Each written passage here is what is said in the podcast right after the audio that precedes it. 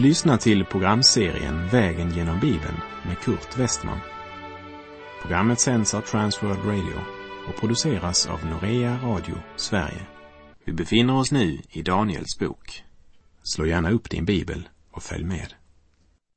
Vi avslutade förra programmet med att Nebukadnessar fick en dröm som skrämde honom och gjorde honom orolig. Och sin vana trogen så söker han först hjälp hos alla dem som redan tidigare hade visat sig inte kunnat hjälpa. Daniel kapitel 4, vers 5 börjar med orden Slutligen kom också Daniel. Gudsmannen med sin kompromisslösa gudstro och sin välsignade och stora kunskap. Han var den som sist blev tillkallad. Daniel hade förmågan att se mer än det ögat ser. Hans kropp befinner sig i Babel, men hans hjärta tillhörde aldrig Babel. Hans hjärta är i Jerusalem. Han var förankrad i Gud och han var beroende av Gud. Han levde i tron och bönen. Daniel är präglad av samma hjärteton som kännetecknade Josef, nämligen inte jag, men Gud. Daniel lät inte politik, ära, välfärd och njutning förtränga de eviga skatternas betydelse. Trots sin upphöjda ställning i Babel blev han inte så upptagen av det som hör jord och värld till att han inte kunde förnimma vinden ifrån evighetens värld. Han levde i tron och bönen. När alla andra källor till hjälp är tömda återstår bara Daniel. Och vi läser i Daniel 4, verserna 5 och 6. Slutligen kom också Daniel inför mig, han som hade fått namnet Beltesassar efter min Guds namn. Heliga gudars ande bor i honom. Och jag berättade drömmen för honom på detta sätt. Beltesassar, du som är den främste bland spåmännen, jag vet att heliga gudars ande är i dig och att ingen hemlighet är för svår för dig. Säg mig vad jag såg i min dröm och vad den betyder. Det var Gud som gett Nebukadnessar dessa drömmar och endast Gud kunde uppenbara drömmarnas mening. Men hedningen upphöjer gärna människan. Och Nebukadnessar säger därför till Daniel, ingen hemlighet är för svår för dig.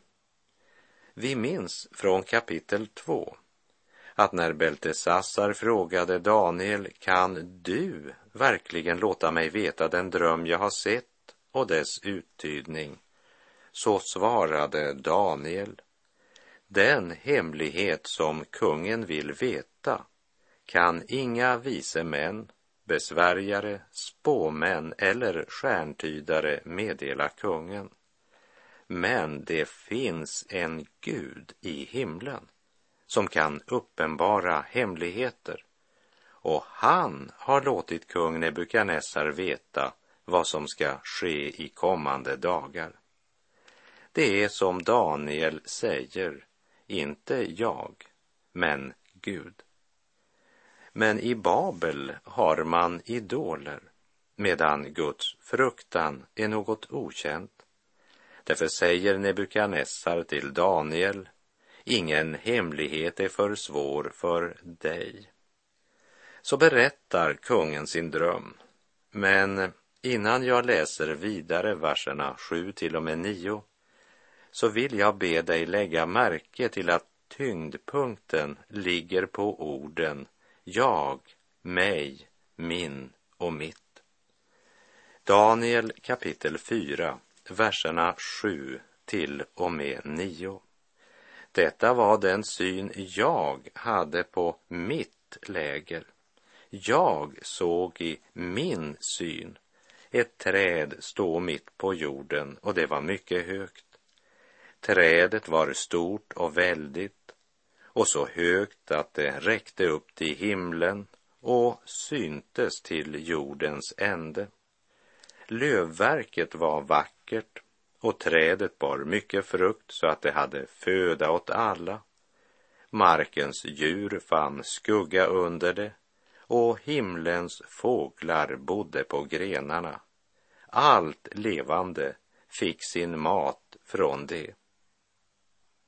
Det är nu rätt lång tid sedan Nebukadnessars första dröm som vi läste om i kapitel 2. Åren har gått och Babels kung börjar åldras och inser att han en dag ska dö. Därför oroas han av ordet om trädet som ska huggas ner. Tänk om det är honom själv det handlar om. Han är uppenbart orolig. Synen var ju ganska imponerande med trädet som var så väldigt att det räckte upp till himlen och syntes till jordens ände. Men samtidigt så var synen mycket skrämmande. Vi läser verserna 10 till och med 16 i Daniels fjärde kapitel. Vidare såg jag den syn jag hade på min bädd. Hur en helig väktare steg ned från himlen. Han ropade med hög röst och sade, hugg ner trädet och hugg av grenarna, riv bort lövverket och strö ut frukten så att djuren som ligger under trädet flyr sin väg och fåglarna flyger bort från grenarna. Men stubben med rötterna ska lämnas kvar i jorden bland markens gräs, bunden med kedjor av järn och koppar. Av himlens dag skall den fuktas och ha sin del med djuren bland markens örter. Hans hjärta skall förvandlas så att det inte mer är en människas och ett djurs hjärta ska ges åt honom. Sju tider skall så gå fram över honom.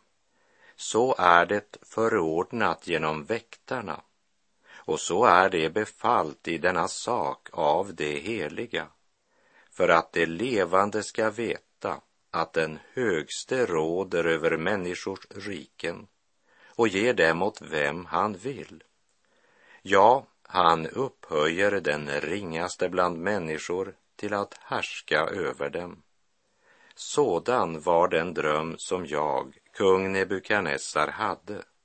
Men du, Beltesassar, uttyd den nu för ingen av alla de vise i mitt rike kan ge mig uttydningen, men du kan det, ty heliga gudars ande bor i dig. Då stod Daniel, som också kallades Beltesassar, en stund bestört, full av oroliga tankar.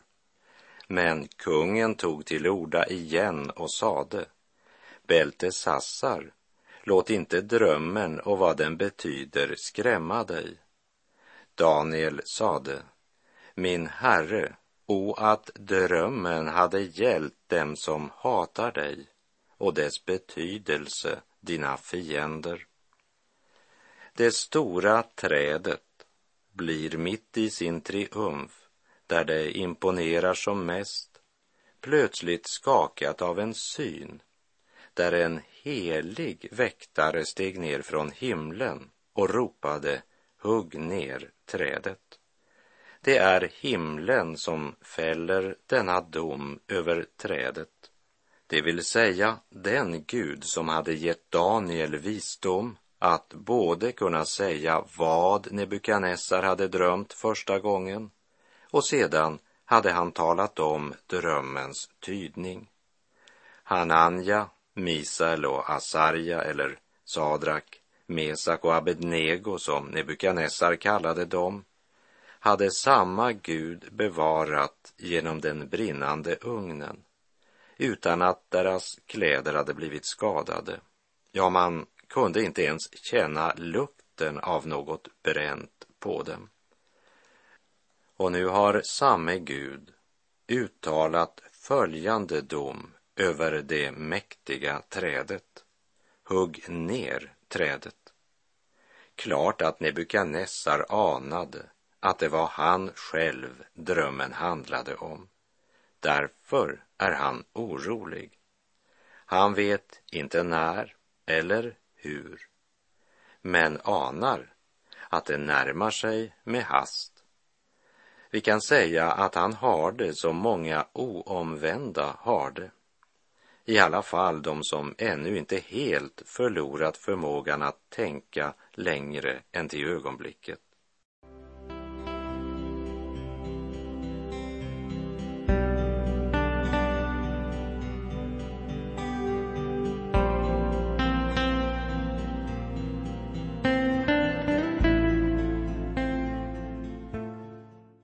Det är inte bara Nebukadnessar som blir orolig.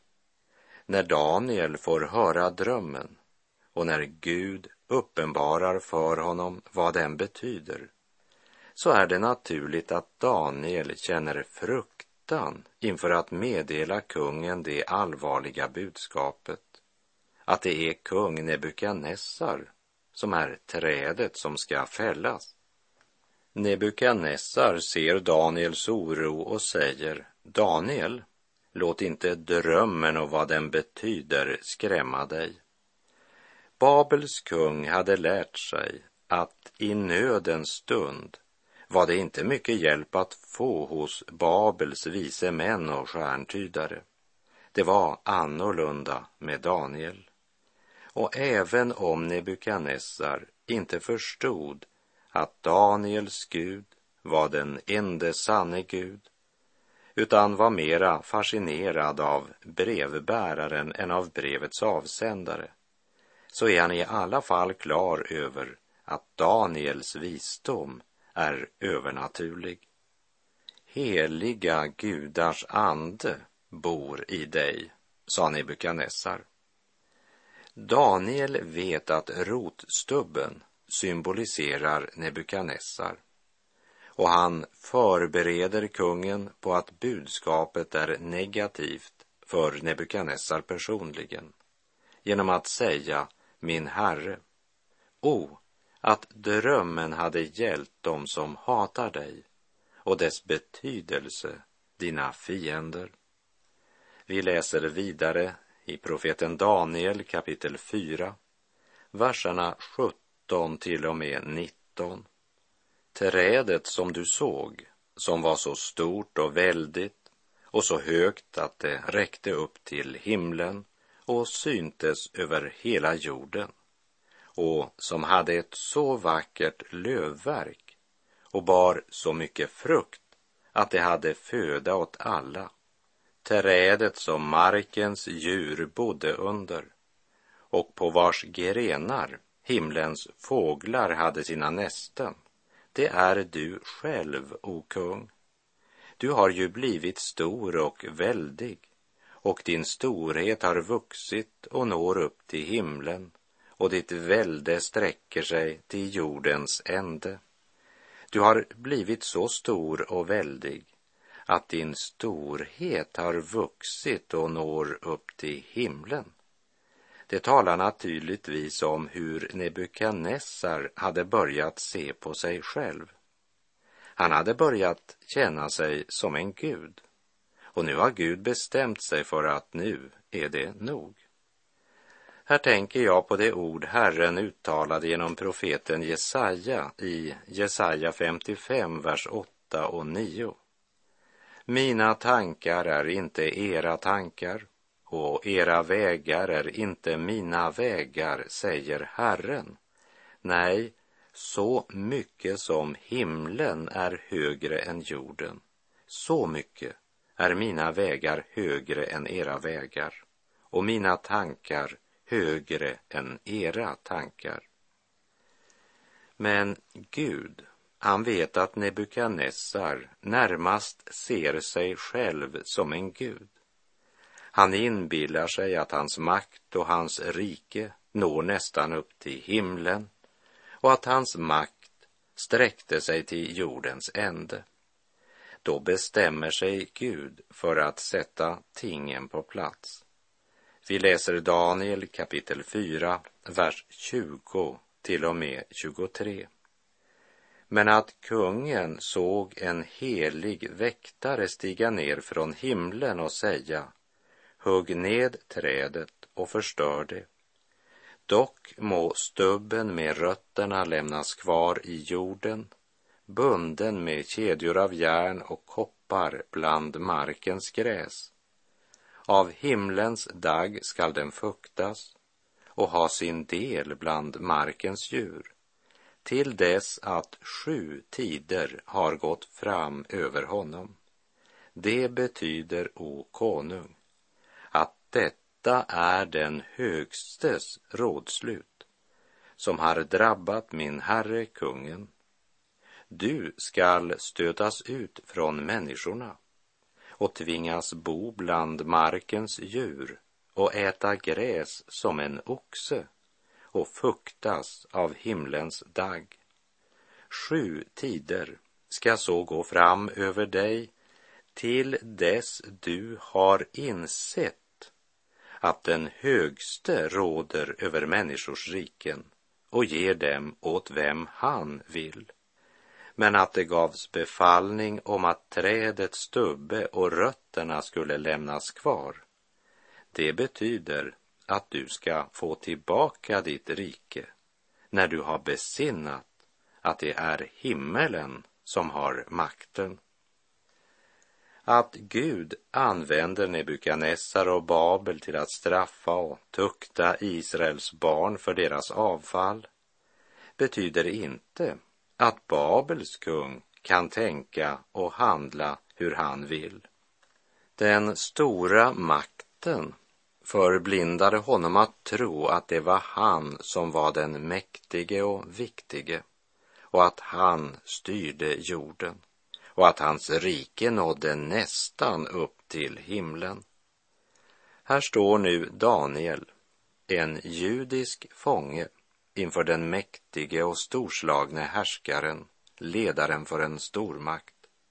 Han vet att svaret kan kosta honom livet och även om han först tvekade så kompromissar han inte heller när det gäller att förkunna sanningen för Babels kung.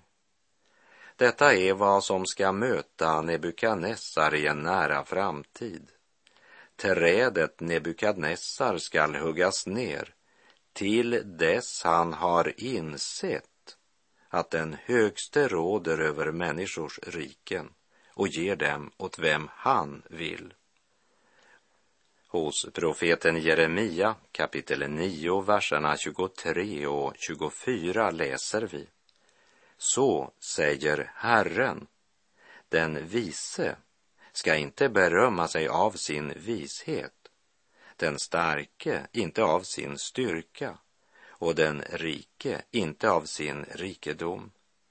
Den som vill berömma sig han skall berömma sig av att han har insikt och känner mig, att jag är Herren som verkar med nåd, rätt och rättfärdighet på jorden. Ty där i har jag min glädje, säger Herren. Och i Saltaren 18, vers 28. Ty du räddar ett bedrövat folk, men stolta ögon ödmjukar du profetia Nebukadnessar fått genom sin dröm talar om en förnedringstid där kungen ska bli som ett djur, bo bland markens djur och äta gräs som en oxe och fuktas av himlens dagg. Den stolte kungens stolta ögon ska ödmjukas och när Guds dom är fälld kan människan inte välja, utan då måste hon skörda vad hon sått i sin stolthet. Vi läser Galaterbrevet 6, vers 7. Bedra inte er själva. Gud bedrar man inte. Det människan sår skall hon också skörda. Men vi ska lägga märke till vad Daniel säger. Nebukadnessars förnedringstid ska vara begränsad. Han hade berusats av sin makt och Gud bestämmer sig för att hälla över honom en hink med kallt vatten, så att säga. Sjutalet står centralt när det gäller Guds nuvarande tidshushållning med människan och inte minst i förbindelse med Guds dom. Om Nebukadnessar sades det ju att sju tider ska gå fram över dig till dess du har insett att den högste råder över människors riken. Men när Guds tuktan har nått sitt mål ska den upphöra. Så när Nebukadnessar har ödmjukat sig inför Herren och insett att det är himlens Gud som sitter på tronen, så ska Gud åter upphöja honom igen.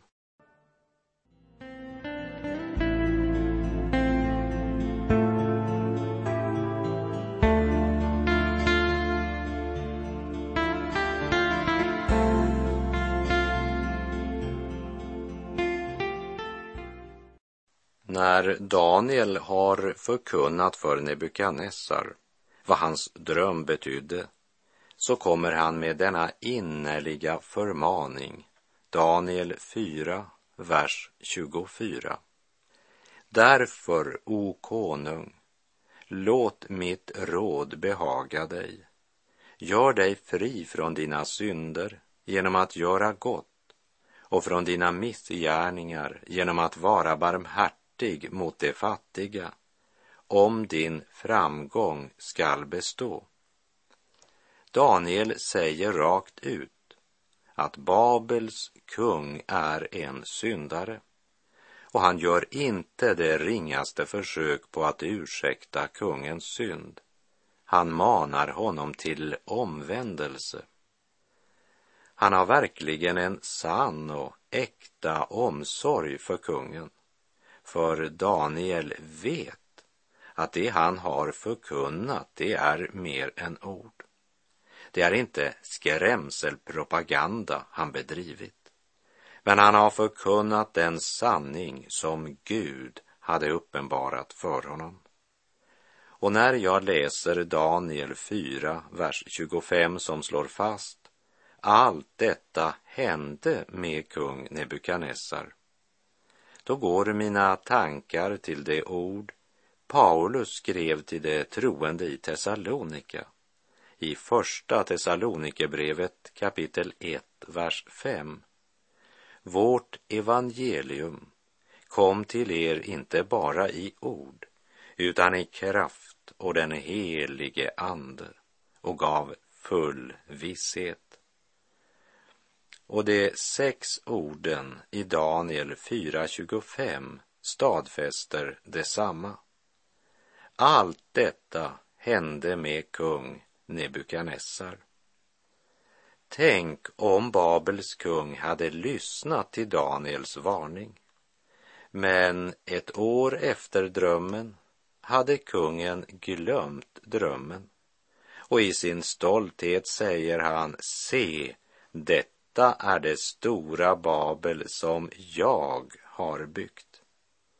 Men innan han talat färdigt drabbas han av Guds dom. I samma ögonblick gick det ordet i uppfyllelse på Nebukadnessar, säger vers 30. Det vill säga, han tvingades lämna palatset, förkastad och föraktad av alla levde han som ett djur, utan makt, utan en enda människa som hjälpte honom. Och han var ju inte precis van att klara sig själv, den bortskämde diktatorn. Nu får han se vad han är i sig själv. Och det var visst inte mycket att vara stolt över och långt borta från palatsets lyxliv och njutningar kämpar han för att överleva. Ensamheten tvingar honom att tänka över situationen. Vi läser i Daniel 4, verserna 31 till och med 34. Men när tiden hade gått lyfte jag, Nebukadnessar, upp mina ögon till himlen och fick tillbaka mitt förstånd. Då lovade jag den högste. Jag prisade och ärade honom som lever i evighet. Hans välde är ett evigt välde. Hans rike varar från släkte till släkte. Alla som bor på jorden räknas för intet. Han gör vad han vill med himlens här och med dem som bor på jorden. Ingen kan stå emot hans hand eller säga till honom, vad gör du? Vid samma tid återfick jag mitt förstånd och jag fick tillbaka min härlighet och glans, mitt rike till ära.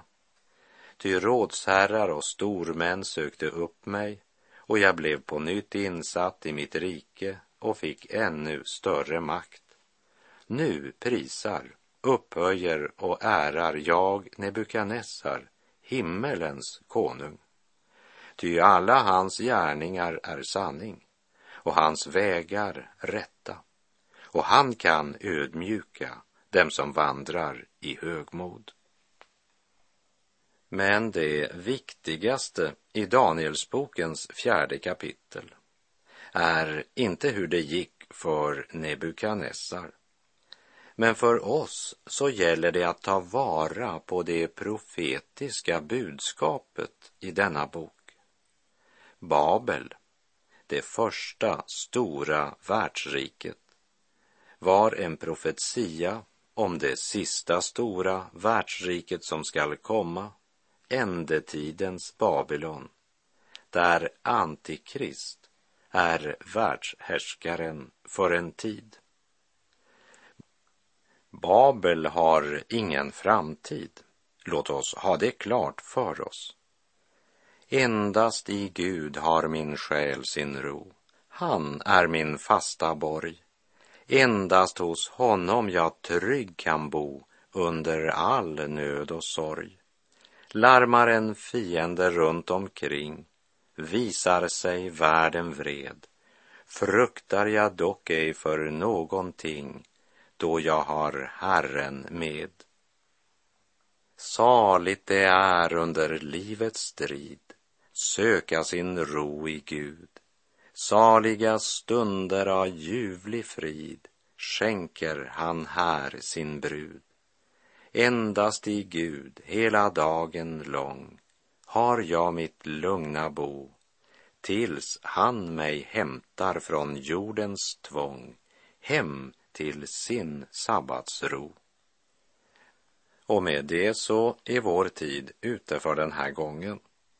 Så ska vi i nästa program sitta med på Belsassars stora festmåltid. Belsassar var Nebukadnessars efterträdare. Gud hade talat till Nebukadnessar, men när det gällde hans efterträdare så var Gud tvungen att ta till långt mera drastiska saker som vi ska se närmare på i nästa program. Herren vare med dig, må hans välsignelse vila över dig. Gud är god. Du har lyssnat till programserien Vägen genom Bibeln med Kurt Westman som sänds av Transworld Radio. Programserien är producerad av Norea Radio Sverige. Om du önskar mer information om vårt radiomissionsarbete så skriv till Norea Radio Sverige, box 3419 103 68 Stockholm.